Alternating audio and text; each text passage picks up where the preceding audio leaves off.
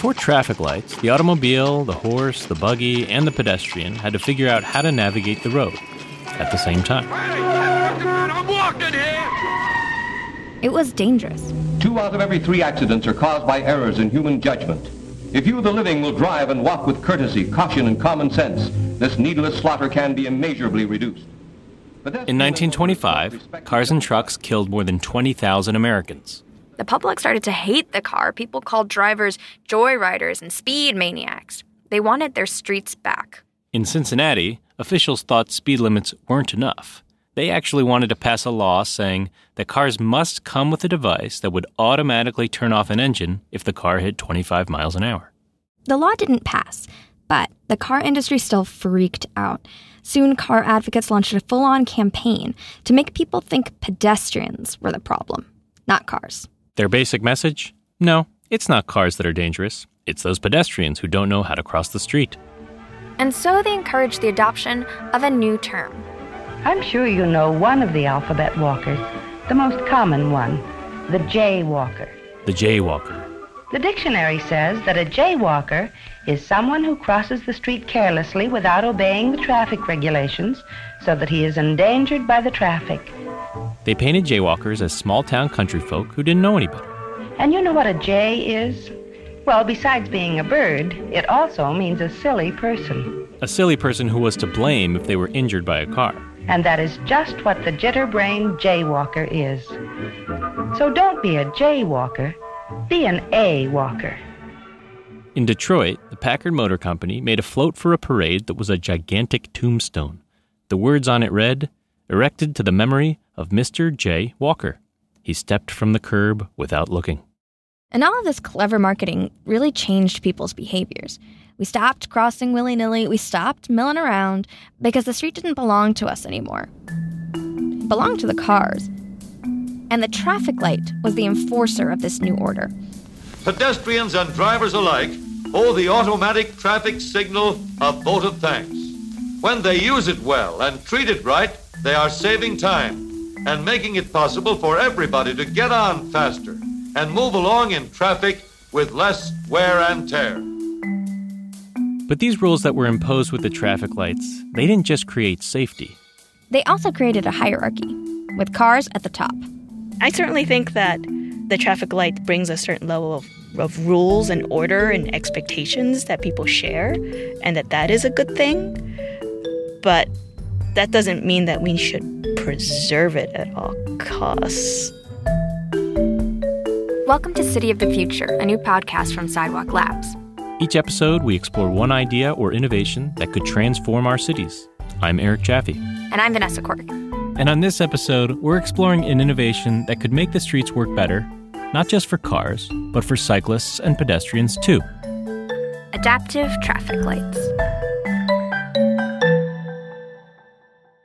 I was told Vanessa was going to interview me. I don't understand why you're here. Because you, you wouldn't have joined.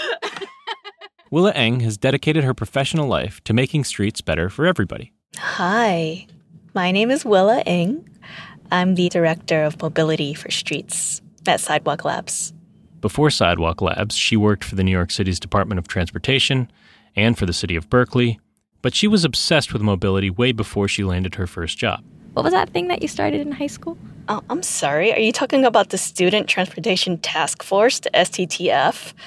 I know it's probably internationally renowned. I apologize. It, it was. It literally was me sort of asking around who else is coming to school and taking the train, and what's your schedule, and do you want to take the train together? So, so the technology in this case was you and like a pen and paper. Yes, it was, it was an on-demand dispatch service, except the dispatch algorithm was me. At Sidewalk, Will has been thinking a lot about traffic lights and how they could change the hierarchy of the street. She wants streets that work for everyone, whether you're in a car, a bus, bike, wheelchair, or just walking around. So, Willa, when you're thinking about how to make streets safer for everybody, what are your priorities here? What are your goals? I think I would create a hierarchy of users for an intersection based on how vulnerable that user is. I would optimize first for safety and then person, the, the, the phrase is person throughput, which is how do we just get as many people as possible through that intersection? It's nerdy. That's a nerdy answer because that's like officially a, a term. It was a wonderful answer. I think that what's really exciting is that we're sort of changing the conversation and thinking to ourselves, what is the best way to get as many people through the intersection with as minimal delay as possible? What do pedestrians want to do? And how do we want our streets to look? And let's look at traffic lights that do that. For the longest time, I, I, up until really the last four years, nobody ever walked any place. That's Robert Saylor, the chief traffic engineer for Richardson, Texas, a commuter town that sees tens of thousands of cars pass through every day. I could time my signals with the assumption that, yeah, I'm not going to have any walkers here, and so even if I serve them, it's not going to mess up my signal timing, you know, because they're never there. Things worked great. But in Richardson, as in all cities, more and more people are taking to the streets. And every time a pedestrian pushes the walk button, cars have to stop. Everybody that drives is, is complaining, you know, my commute to work used to take eight minutes and now it's 18 minutes. Well, but there's a reason for that. To keep commute times down, traffic engineers like Robert program their systems using traffic pattern models, usually based on commuting schedules. The way that, that a non adaptive system works is we do traffic counts and we eyeball it and say, yeah, right about there is where we're going to change this, you know, 8, 9 a.m. or whatever. We just pick a spot. And so with a really heavy morning, well, maybe people are running a little bit later on Monday than they do the rest of the week. So I'm changing at 8:45 when really I should have held on to that longer period until 9:15 or so. But if Robert had a system that could adapt to actual traffic conditions, that would make his life a whole lot easier. What one of the adaptive systems would do is it's going to count cars and say, okay, if gee, something's happening and and you know people are having to work late, it can sit there and say, "Oh, it's six o'clock, but traffic's still really light." And and then when it sees it start picking up, "Oh, it's seven o'clock. Okay, boom, now it's time to go." But there's something else Robert would love his traffic lights to do, even more than count cars and people. Right now, the only way I know there's a pedestrian at all is if they push the button. but there's a big difference between the jogger standing there jogging in place waiting for his walk signal so that he can run across the street versus the elderly lady with the walker that's trying to get across. They need different walk times and, and, and diff- mm-hmm. different amount of time to get across. I could do that kind of adjustment in real time watching it, but I need to have a detection system that can tell, hey, did that person actually make it across in the time that I thought they were, or did they get stuck for some reason? Nobody solved the problem. but Willa thinks she can help. She wants to build an adaptive traffic light that would allow traffic engineers like Robert to make adjustments in real time.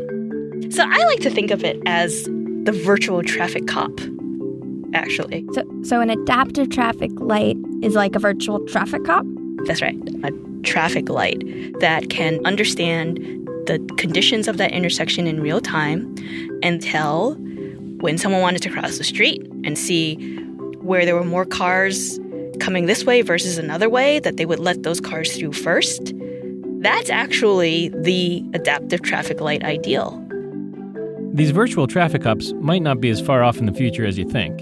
In fact, a few cities have already started experimenting with adaptive traffic lights, like Detroit which is where Vanessa is now. I'm here on this intersection. I'm at Larned and Griswold, just kind of like downtown Detroit here. And I have brought along my colleague, Ryan. Hi, Ryan. Hi, my name is Ryan Villum. I'm a software engineer here at Sidewalk Labs, and I've been doing a lot of computer vision and machine learning. Okay, here we go. All right, we're going. We're on the road. okay, so the lights look like just normal they look like normal traffic, traffic lights. lights. Right. So like how is there any way that you would know that they're that they're adaptive? Uh no, actually. What you could see is a tiny camera somewhere, like you see right here, uh, just above that light and to the left. Wh- What's what do you think is happening in this camera right now as it's got its um, lens on the on the street? What it should be doing is tracking the objects that move through the intersection and classifying them. So, classifying people and cars and buses and trucks and bikes and everybody who's using this bit of public space. Okay, so that white SUV over there, how does the camera know that it's a car and not a bus or, or a person? So, there's a few things.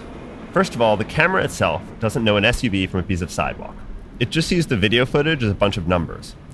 But an adaptive traffic light can combine those numbers with parameters that were set ahead of time.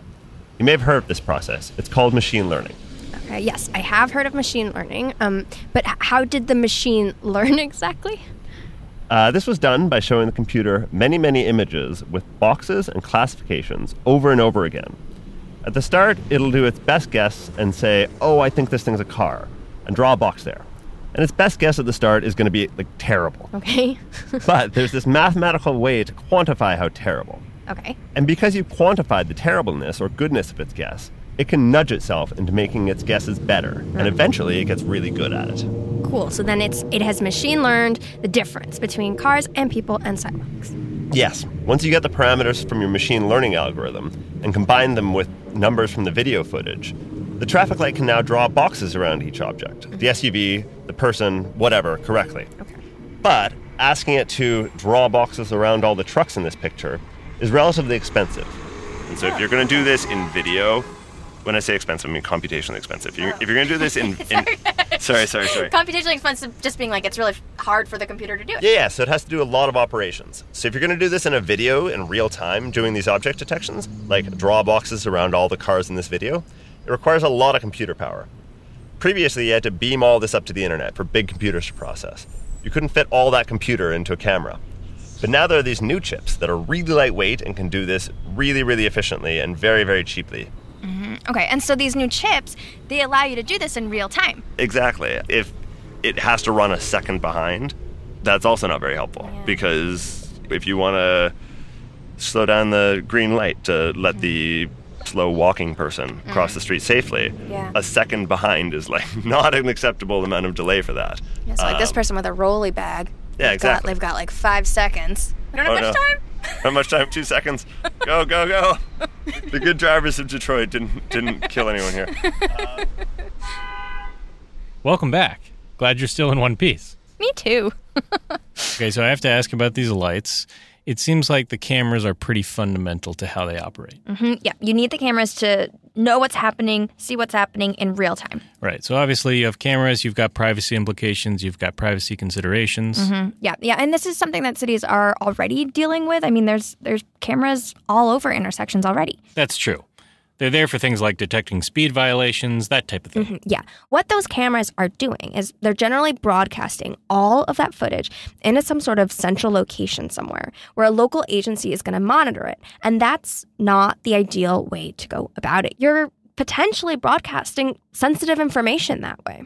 Okay, but then how do you get around that problem, right? Because the video is fundamental to the system. Mm-hmm. Well, I mean, Ryan explained to me that we have these new chips, these like super fast processing chips that can analyze information in the camera really, really quickly in real time. And that actually really addresses this privacy issue. Because you're not sending out raw video footage. Mm-hmm. Right. So if you never have any video leave the device, you're not storing people's image, you're not tracking them. It's kind of like a supermarket door. You know, you walk up to the door, the door opens. It doesn't need to take a picture of you. It doesn't need to know who you are. It just has a job to do and it does it. And so you can think of these cameras like just more complicated supermarket doors. They have a job to do and they do it. Okay, but we have to tell them what their job is, right? Ultimately, cities make the decision as to how to act on that information because the cameras can't act themselves. So we build the system based on what matters to us. Yeah, it means cities have some decisions to make about who gets prioritized at the intersection. Do you want to prioritize green lights for emergency vehicles like ambulances? Maybe delivery trucks so that you can get that Amazon package like stat. Uh, but who should get the green light? It's a big question. Right, not everybody can get a green light at the same time. No. But with these adaptive traffic lights on major streets, people could have something close. They're called green waves, and Willa's a big fan. Green waves are fun. let's just talk about waves in general, right? So you can kind of picture a wave and it's breaking, you know, as it rolls in towards the shore. And there's a surfer right on top of that break. And as long as he's riding that, he keeps going. But instead of a surfer, it's a car. And if a car was traveling at the city speed limit, they would just hit green light after green light after green light after green light. So cool. Yes, yes. So you don't need any special equipment for it aside from timing the traffic signal in such a way that allows that to happen. And so, with these new lights, you'd be able to create green waves in real time. So it's not just for cars anymore. Like, could you have green waves for bicycles too? Yeah, they're doing some of that in Europe right now.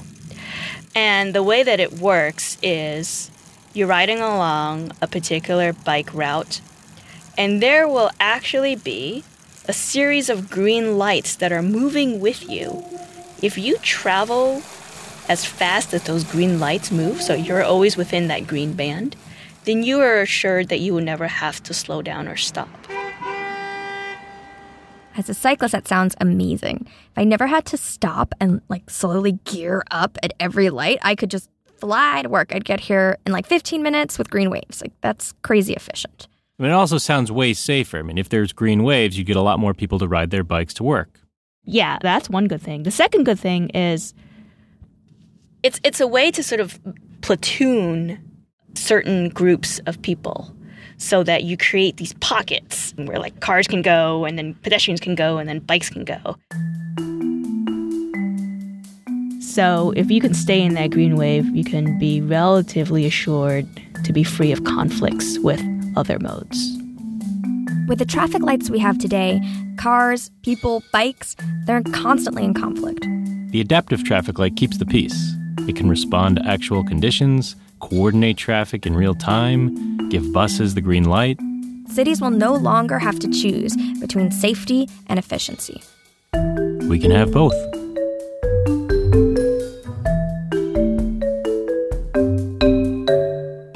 Thank you for listening to City of the Future, a podcast from Sidewalk Labs. Your hosts are Vanessa Quirk and me, Eric Jaffe. We are produced by Benjamin Walker and Andrew Callaway. Mix by Sharif Youssef. Many thanks to those who helped us make this episode Robert Saylor, Willa Ng, Ryan Villum, Sven Kreis, Taylor Weisner, Kara Oler, and Claire Mullen. Our art is by the great Tim Cow. Our music is composed by Adam James Levine Arity. If you want to hear more of Adam's work, you can check out his band, Lost Amsterdam, at amsterdamlost.com. To learn more about Sidewalk Labs, visit our website at sidewalklabs.com, where you can subscribe to our newsletter at the bottom of the page. See you in the future.